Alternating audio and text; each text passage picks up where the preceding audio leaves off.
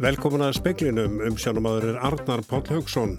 Fjórir eru alvarlega slansæðir eftir harðan árækstur jepp og jepplings við háöldu kvísla og skeður á sandum tvöleiti í dag. Nýju manns voru í bílónum tveimur og var hóp slís á allum lauruglunar á Suðurlandi virkjuð.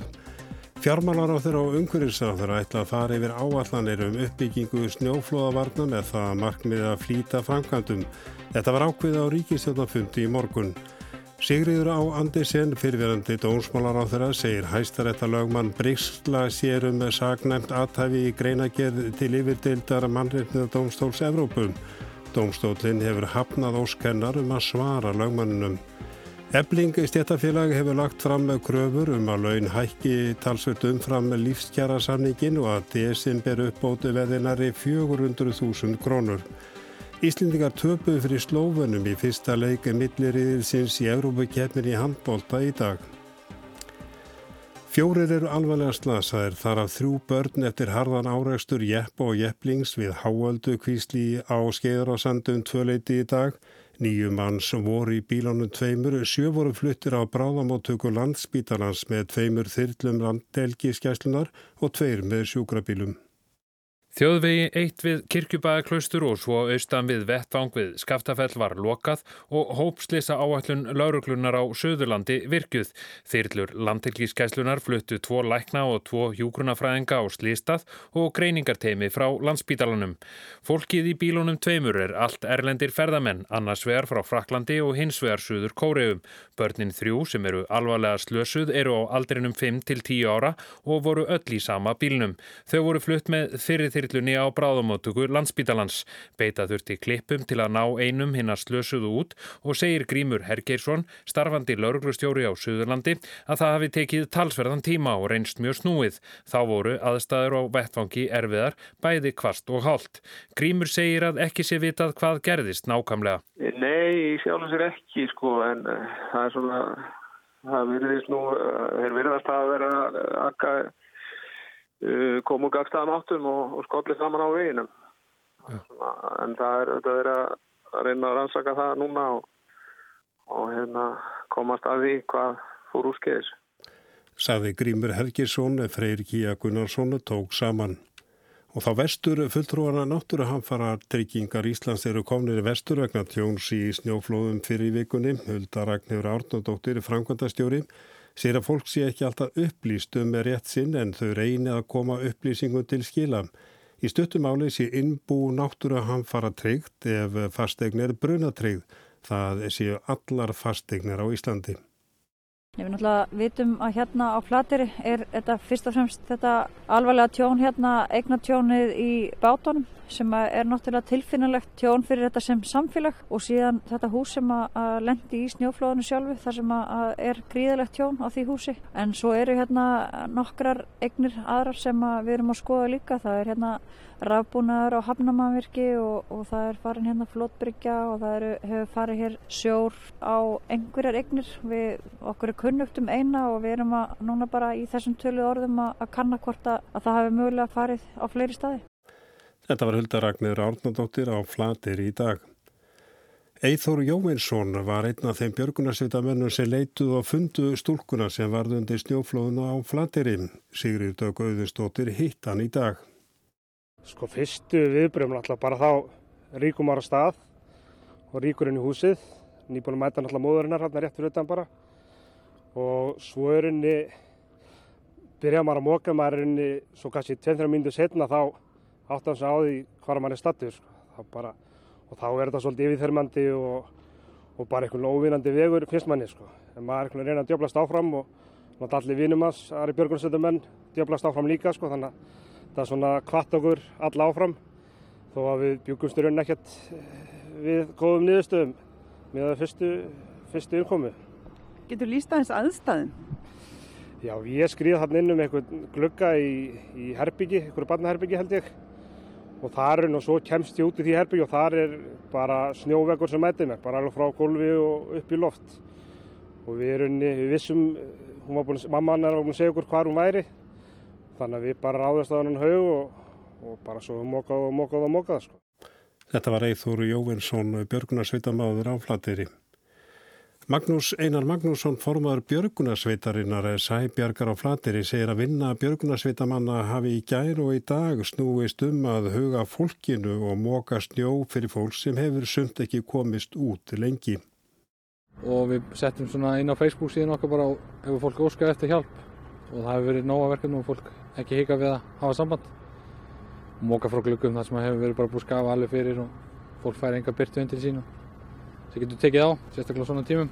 En í, við fengum teimið að sunnan, sérhæða rústabjörgunarmenn á samt hjúgrunarfræðingum og sjúkrarflutningamennir sem að tókur henni bara yfir vettfangin í húsinu þar sem stelpma fannst og bara það var mjög gott að þurfum ekkert að hugsa um hann, þeir bara voru alveg með það sem er mjög gott að fá utan að koma til aðstæð sem að við finnum alveg fyrir miklu þakklætti og þetta er svona léttir bara að við getum fara að hugað öðru og, og okkur sjálfum. Þetta var Magnús Einar Magnússon, Sigriður Dögg Auðinsdóttir talaði við hann á flatir í dag og það verið fjalla nánunum þetta í sjómarsfrettum klukkan sjó og eftir. Mannreitinda Dómstól Evrópi hefur hafnað Óskar Sigriðar á Andersen fyrirverandi dómsmálar og þurfum að koma framfari sjónamiðum sínum í máli sem reikið fyrir yfirdeild dómstólsins eða mannreitinda dómstólsins vegna skipunar dómara í landstrétt. Sigriði var tilkynnt þetta í dag og svo ástæði gefin að Óskennar hefði komið fram á sinn. Hún segir Vilján með Viljánsson lagmann hafa brygslaði sér um sagnæft aðtæfi í greinagerð til réttarins. Þeim dilgjum hafi verið nöysilegt að svara. Og þegar ég sá greinagerð stefnanda í málunni sem voru komast, sem ég fekk mikið að sjá, eða sá ekki fyrir lók, undir lók desember, það voru þar settar fram á hendur mér persónulega þannig ásaganir Eh, meðal þessum saknarna hátt sem ég gæti ekki látið hjá líða að koma á framfærum eh, sjónamíðum mínum svari við þeim ásökunum.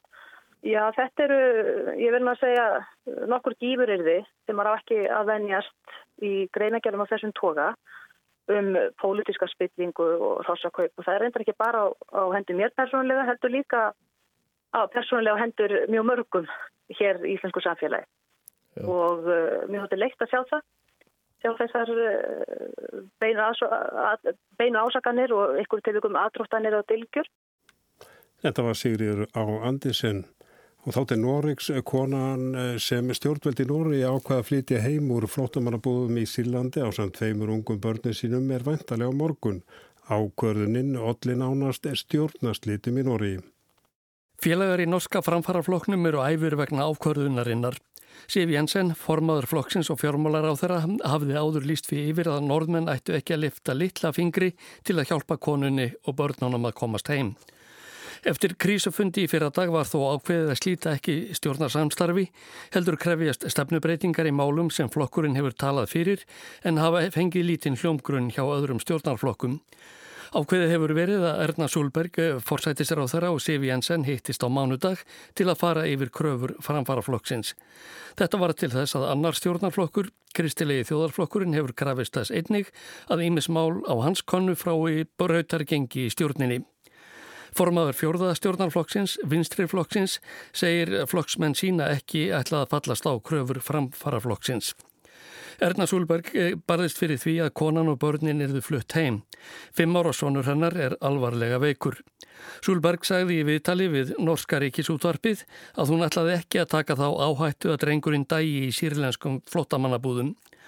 Norska öryggislauraglenn hyggst handtaka konuna við komuna til landsins og færa til yfirhertlu. Áskýr Tómasson sagði frá. Og þá var handbóltanum Íslendingar töpuð fyrir slóanum í fyrsta leik millirilsins í Evrópaketninni í handbólta. Slóunar unnu með 30 mörgum gegn 27. Guðmundur Guðmursson landsliðsið þjálfari sagði til leikin að slóverar hefðu meiri reynslu og hefðu spilaða skynsemi. Já, við lendum náttúrulega í mjög miklu basli með eitt besta miðjumann heims og uh, það var ekki einfalt, ekki einfalt mál að leysa þetta. Ég fannst slóvarnir einfallega betur en við í dag og hérna, er með reynslu meira lið, eru konið lengra, miklu lengra á sinni vekkferð, eru með leikmenn í frábæra leikmenn í öllum stöðum. Saði Guðmundur Guðmundsson, Íslendingar eru án stiga en eiga eftir að leika þrjá leiki við Portugala, Norðmenn og Svíja. Bjarni Benediktsson, fjármálar á þeirra og Guðmundur Ingi Guðbrandsson umhverfisráð þeirra ætla að fara yfir áætlanir um uppbyggingu snjóflóðavarna með það markmiði að flýta framkvöndum. Þetta var ákveðið á ríkistjónafundi í morgun. Ráðhörunum finnst skjóta skökku við að gjald sé innheimt í ákveðnum tilgangi en hlutið er svo notaður í eitthvað annað. Það hefur dreyjist um tíu ára ljúka uppbyggingu snjóflóðavarn á Íslandi og enn á eftir að reysa varnargarða á áttasvæðum þar sem snjóflóðahætta telst mikil. Sérfræðingar sem unnið hafa snjóflóðavörnum hafa skorað á stjórnvöld að auka fjárheimildir ofanflóðasjós til að flýta fyrir uppbyggingu. Ella verðan ekki lokið fyrir um miðja öldina. Árlega leggur ríki gjald á allar brunatriðar húsegnir í landinu. Í lögum um snjóflóðavarnir segir að gjaldið eigi að nota til að greiða kostnað við varnir gegn ofanflóðum en síðastlinn ár hefur það líka verið nýtt til annara verkefna. Fjárheimildir ofanflóðasjóðs eru ákveðnar á fjárlugum hvers árs. Í ár fekk sjóðurinn rúman miljard en ríkið innheimtir liklega að teppa þrjá miljarda í ofanflóða gjald. Ofanflóðasjóður heyrir undir Guðmund Inga Guðbrandsson umhverfisráðura. Ég og fjármálar á þeirra við munum setjast niður og fara yfir þær áallanir sem að hafa verið gerðar út frá þeim fjárheimildum sem að hafa verið í kerfinu með það að augna með því að reyna að flýta framkvæmdum og koma þá með áallun sem að geti eh, gert það. Á þá að veita sjónum auknar heimildir? Já, þetta er það sem við erum að skoða með hvað hætti við getum gengið í þetta mikilvæga verkefni að reyna að, að flýta þessum framkvæmdum því að við erum algjörlega meðvituð um það að það er gríðarlega mikilvægt og svo það náttúrulega líka að skoða það sem að þær varnir sem að eru á flateyri eh, við erum að fá þær fregnir frá veðustofun að þetta sé sennilega eitt stærsta flóð sem að hafi fallið og eh, þess vegna þarf að skoða það líka sérstaklega. Nú heyrir ofanflóðasjóður undir þitt ráðunæti. Hvers vegna hefur það verið þannig að bara um þriðjungur gjaldsins skilar sér til sjóðsins eh, á hverju ári?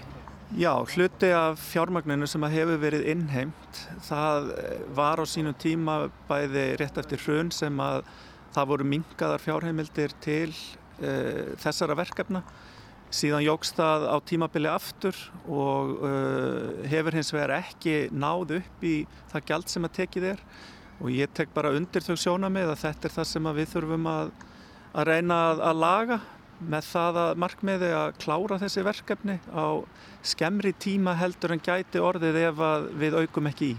Þeir að farið hafi verið að lögum um sjóðin? Uh, ég veit ekki betur en að það hafi verið gert. Uh, það er alveg ljóst að þegar um svona tekistofna er að ræða sem að hveða á um ákveðin verkefni að þá er mikilvægt að við reynum að nota fjármæknið í það. Það hefur ekki verið að fullu gert og við vitum það öll en við skulum vona að við séum að horfa núna til betri tíðar og við fjármálar á þeirra erum að fara að setjast yfir þetta mikilvæga verkefni. Bjarni Benediktsson, fjármálar á þeirra, vonar að hægt verði að búa svo um nútana að gjaldið skilir sér betur til uppbyggingar. Það væri mjög æskilegt að við gætum uppfært áallanir uh, þannig að svona samhliða nýri fjármála áallun að þá sæju, sæjum við merki þess að við værum að uh, spýti lóana og skila þessum fjármunum betur til uh, þessa, þessara mikilvæga framkvæmda. Bjarni segir að hluti ofanflóðagjaldsins hafi farið til annara verkefna í öllum ráðuneytum. Svo tilhugun standist lög. Sko, við erum að tala hérna um áratuga þróun. Eh, það er ekki áskilið að á hverju ári fari fjármunirnir út eh, til framkvæmda í samræmi við innheimt eh, hlutfall.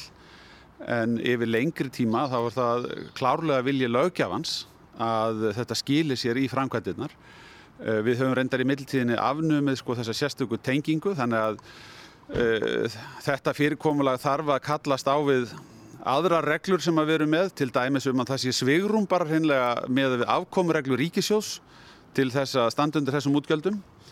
En ég er þeirra skoðunar pólitist séð að menn eigi ekki að leggja á gjöld á fastegnir í landinu án þess að skila þeim til þeirra verkefna sem eru réttlætingin fyrir gjaldinu. Ef menn uh, framkama fyrir lægri fjárhæðir til langstíma þá einfallega að lækka gjaldið. Nú eða að hísi upp við sig brækunar og skila gjaldinu til þessar málaflokks. Það er kannski endur skoða þessi gjöld öll í ljósi þess að það er búið að aftengja í rauninni uh, gjaldið og útgjöldin. Uh, hvort það þurfa að endur skoða gjaldið, uh, ég skal ekki segja um það, ég ætla ekki að fullir um það, en uh, tilgangurinn með þeirri vinnu sem við erum að ákveða hér, ég og umhverfisáþarann að ráðast í, er að uppfara okkar áallanir. Góðu fréttinnar eru þær að þessi sjóður, ofanflóðu sjóður hefur verið að störfum og hættumat hefur verið framkvæmt og við höfum vissulega framkvæmt víða í mannvirkja gerðinni. Það er auðvitað fórsendan fyrir því að hér uh, bjargaðist uh, allt uh, á flateri þegar upp að staðið þó að hérna, vissulega hafi staðið tæft með mannslíf. En nú eru, já nokkur, er ekki 13 eða 14 miljardar í sjóðunum. Er eitthvað því til fyrirstöð að nýta það fjármagn bara hratt og byggja upp á krafti á þessum áttar stöðum þar sem enn skortir varnir og er mikil hætta á snjóflöðum? Það er rétt að ríkisjóður hefur uppsapnað á þessum árum sem að liðin eru frá því að þessi gjaldheimta var ákveðin eh, innheimt svona um það bil 15 miljardum umfram það sem Frankant hefur verið fyrir. Ef við ætlum hins vegar að setja núna 15 miljardar á útgjaldahliðina þá er nöðsynlegt að það sé svegrum fyrir því á þess að við reikumst á markmið okkar um heildar afkomi ríkisjós af því þetta reiknast allt á gjaldahliðina og það er það sem ég er að vísa til. Það er hinn hérna, svona tæknilega það er því tæknilega dæmi sem við þurfum að leysa úr saman við gerð fjármála áallun og svo er þetta líka takmark fyrir því hversu mikið er hægt að framkvæma á einu ári. Eh, það þarf að hanna og eh, bjóða út og, og framkvæma. En það er bara ekki tímabært að svara þessu nákvæmlega fyrir að við ljúkum vinnunni millir ráðuneytana um uppfærða áallun, raunhafa áallun um það hvenar við getum lokið því sem aðvar stemt og er fjármagnað með þessu gjaldi. Eitt að lokum, þurfa íbúar á þessum svæðum bara að skilja það að uh, uppbyggingin þarf að taka mið af stöðun í hægkjörunum? Uh, ég ætla bara að segja að uppbygging á mannvirkjum er auðvitað bara eitt liður af aðgerðum stjórnvalda til þess að tryggja öryggi fólks. Við erum sömu leiðis með rýminga áallanir og við erum með sagt, vöktun á stöðinni á hverjum stað. Eh, þegar þú spyrð að því hvort að fólk á þessum svæðum þurfi að skilja að við þurfum að taka mið af stöðu ríkisjós hverju sinni að eh, þá er kannski næra að spyrja eiga þeir sem að hafa greitt þetta gjald að þurfa að skilja það að, að, að það renni ekki til þeirra verkefna sem að, að var stemt og svarið mitt við því er að það er ekki hægt að réttlæta það að kynna til sögunar sérstakann gjaldstopp á þess að nýta hann í þessum tilgangi. Það er það sem ég er alltaf að endurtaka hér. Þetta var Bjarni Benediktsson, Arnildur Haldanadóttir talaði við hann.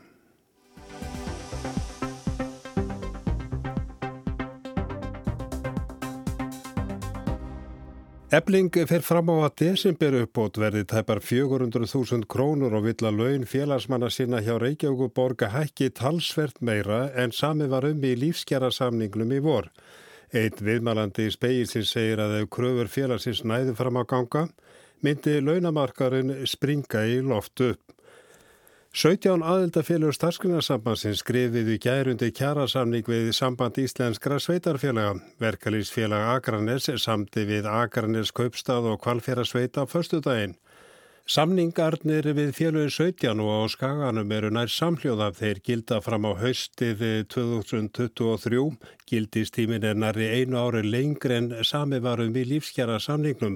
Laun hækkum 90.000 krónur og á síðast árinu er ákveðum að félögin fái sömu launahækkanir og semstum á almenna vinnumarkaðnum. Ímis ný ákveði eru í samningunum, allir fá nú 30 daga orlof og möguleikir á til dæmis á þryggja mánuða launuðu námsleifi. Sveitarfélagin greiða 1,5% í félagsmannasjóð af öllum launum sem launafólk getur tekið út 1. februar ár hvert. Þessi greiðsla er lausna ágreiningi um jöfnum lífeyrisréttinda millir almenna og opembera vinnumarkaðarins. Hins vegar er ebling sem er 19. félagi í starfsklingarsambandinu búin að semja við Reykjavíku borgum þetta atriði en á annan hátt og að sumra áliti á hagstaðri hátt. Lífeyrisskjöldin hækka um 1,5% sem hefur áhrif á uppaði lífeyrisgreiðsla á efri árum. Reyndar er það svo í þessu samkómulagi að það nær einungist til þeirra sem nú er að störfum en ekki til þeirra sem hefja störf eftir samningin. Þessi viðbót fjarar út með tímanum. Í samningi félagana átján er 1,5% að greiðslan til allra um aldur og æfi. Segjum á að samkómulagi jöfnu lífeyrisettinda sé það eina sem er fast í hendi í samningaviðraðum eblingar og borgarinnar. Eftir því sem næst verður komist hefur Korki genginni reikið í viðraðunum sem hafa staðið yfir frá því vorm. Þetta áreindar við aðra hópa. Ebling lagði fram launatilbúð eða kröfur í gæra á fundi með borginni. Speillin hefur ekki þær undir höndum en hefur heimildi verið því að gerði krafum að til dæmis desember uppbót verði tæpart 400.000 krónur og launakröfur eru sagða talsveit miklu herri en hinn félögin innan starfsknarsambansins sömdum. Eða með öðrum orðum sagt talsveit fjarrri þeim launatóni sem er í lífsgjarasamningnum. Desember uppbóti hinnafélagana í SGS verður á þessu ári tæpar 120.000 krónur. Í lífsgjarasamningnum frá því vor var samið um hófsamar hækkanir. Yfirlýstu tilgangur var að ná fram vakstarlækkun, halda verðbólkun í skefjun og viðhalda stöðuleika.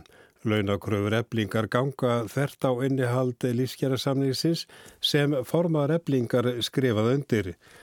Það var líka gengið út frá því að ríki og sveitafélög semd á sömu nótum. Eitt viðmælandi speilsins segir að launakröfur eblinga næðu fram á ganga myndi launamarkaður reynilega springi í loft upp. Þar hefðu mikil áhrif á samninga sem nú er í burðalinum og þá sem þegar hafa verið gerðir. Eblingu stendur til bóða það sama sem önnur félag hafa samið um, vant séð er þó að gerði verði aðri samningar við eblingu en önnur félag. En það gæti orðið slagur því verkvælsvopnið er komið á loft hjá eblingum. Rafræn atkvæðagreislum verkvöld hefst á þriðudaginn ef samþygt verður að fara í aðgerir, verða tímabundnar vinnustöðanir frá 4. februar. Grípi verður til þeirra 5 sinnum og 17. februar ef ekki takast eh, samningar byrjar ótímabundi verkvall. Verkvallsbóðunin er undir slagorðunum Borgin er í okkar höndum.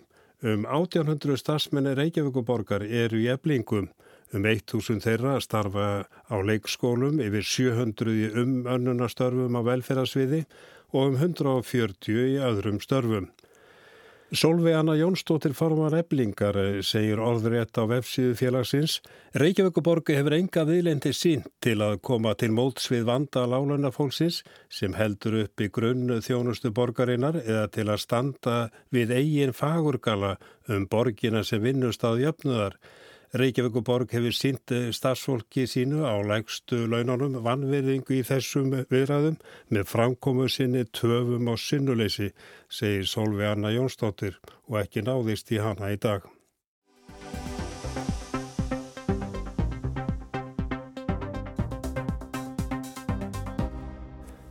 Breska flugfélagi Flybe er ekki þekkt nafnutan Breitlands en tæplega tvö af hverjum fimm innanlandsflugum er á vegum félagsins. Fyrir ári var því bjargað af hópi fjárfesta þar á meðal vörðsinn er. Nú verið svo björguna ekki hafa döga nema árið og Flybe aftur í krokkum.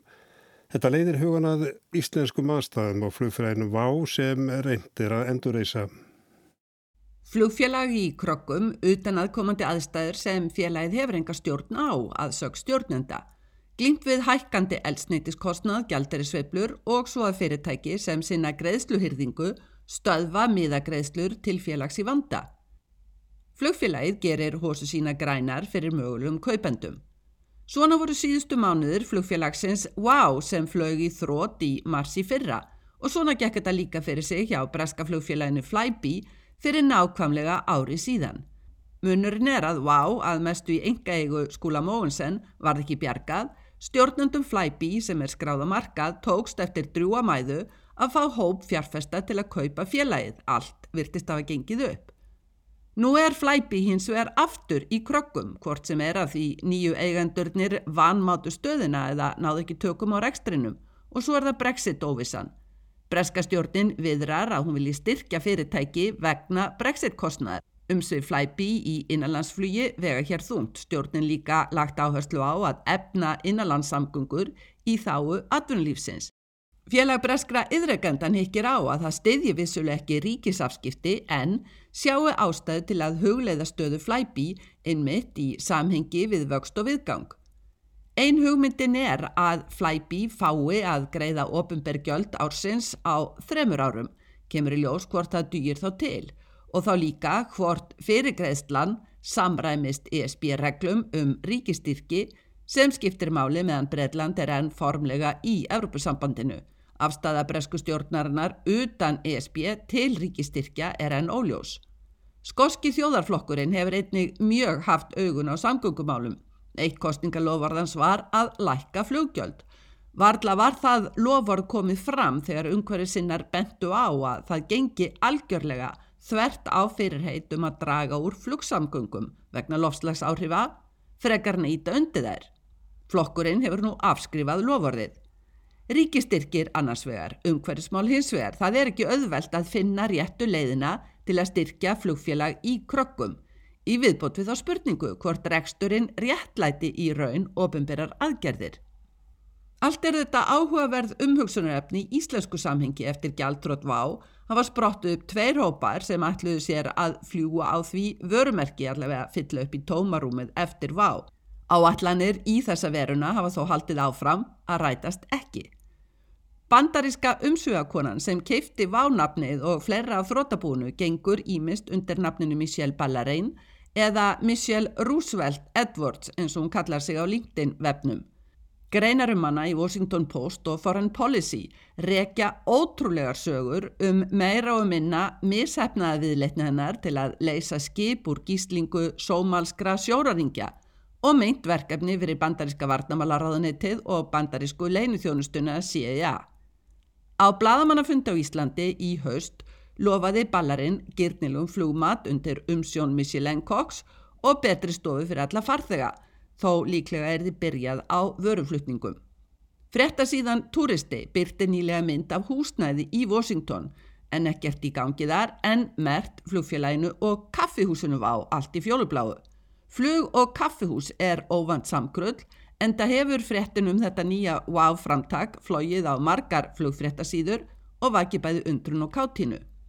Fyrir rúmum áratug reyndi Erlendur lukkurittari að kaupa vassréttindi af bæjarfélagi á Íslandi. Þegar fulltrúum þess var bent á að viðkomandi væri vægasagt ótrúverður var svarið að þetta væri nú alveg ókipis fyrir bæjarfélagið sem gæti hugsanlega grætt ef nú þessi áallun gengi eftir. Þetta er þó ekki alveg rétt reiknað. Það kostar vinnutíma að sitja yfir áallunum ótrúverðura aðila, jáfnvel þó bæjarfélagi legg ekki beinan framkvæmdakostnað. Arjón Banki og fleiri íslenskir aðilar hafa um sitt að hugsa varðandi viðskiptasögu stopnanda United Silicon sem nú sætir ákæru á Íslandi. Meðan aðtiklin er á andvanafættum verkefnum ótrúverðugra aðila er hún ekki á verkefnum sem getur skilað einhverju og Ísland færa sig orð fyrir að vera óskastaður alþjóðleira lukkurittara, fyrir að vera ófæglegt umhverfi, í viðbútt við að vera á gráalista alþjóðleira samtaka um peningaþvætti. Þetta var Sigrun Davíðsdóttir og það var helst í speiklunum í kvöld að fjórir eru alvarlega slasar eftir harðan áreikstur Jepp og Jepplings við Háöldu, Kvísla og Skeðrásandun tvöleiti í dag. Nýju manns voru í bílónum tveimur og var hópslis á allir lörglunar á Suðurlandi virkjuð. Vegurinn var lokaður um tíma en nú er búið að opna þjóðveginum skeður og sand.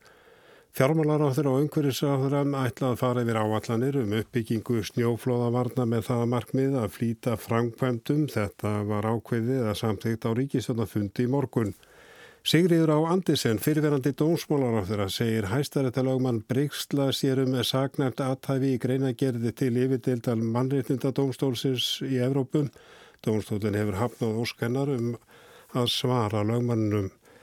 Ebling hefur lagt fram með kröfur um að laun hækki talsvert umfram þau launin í lífskjara-samningnum og að desember uppbóti verðinari 400.000 krónum. Íslendingar töpuð fri slófunum í fyrsta leiki milliriðilsins í Evrópukjefni handbólta í dag. Dæknumari kvöld var Magnús Þorstin Magnússon, verið sæl og góða helgi.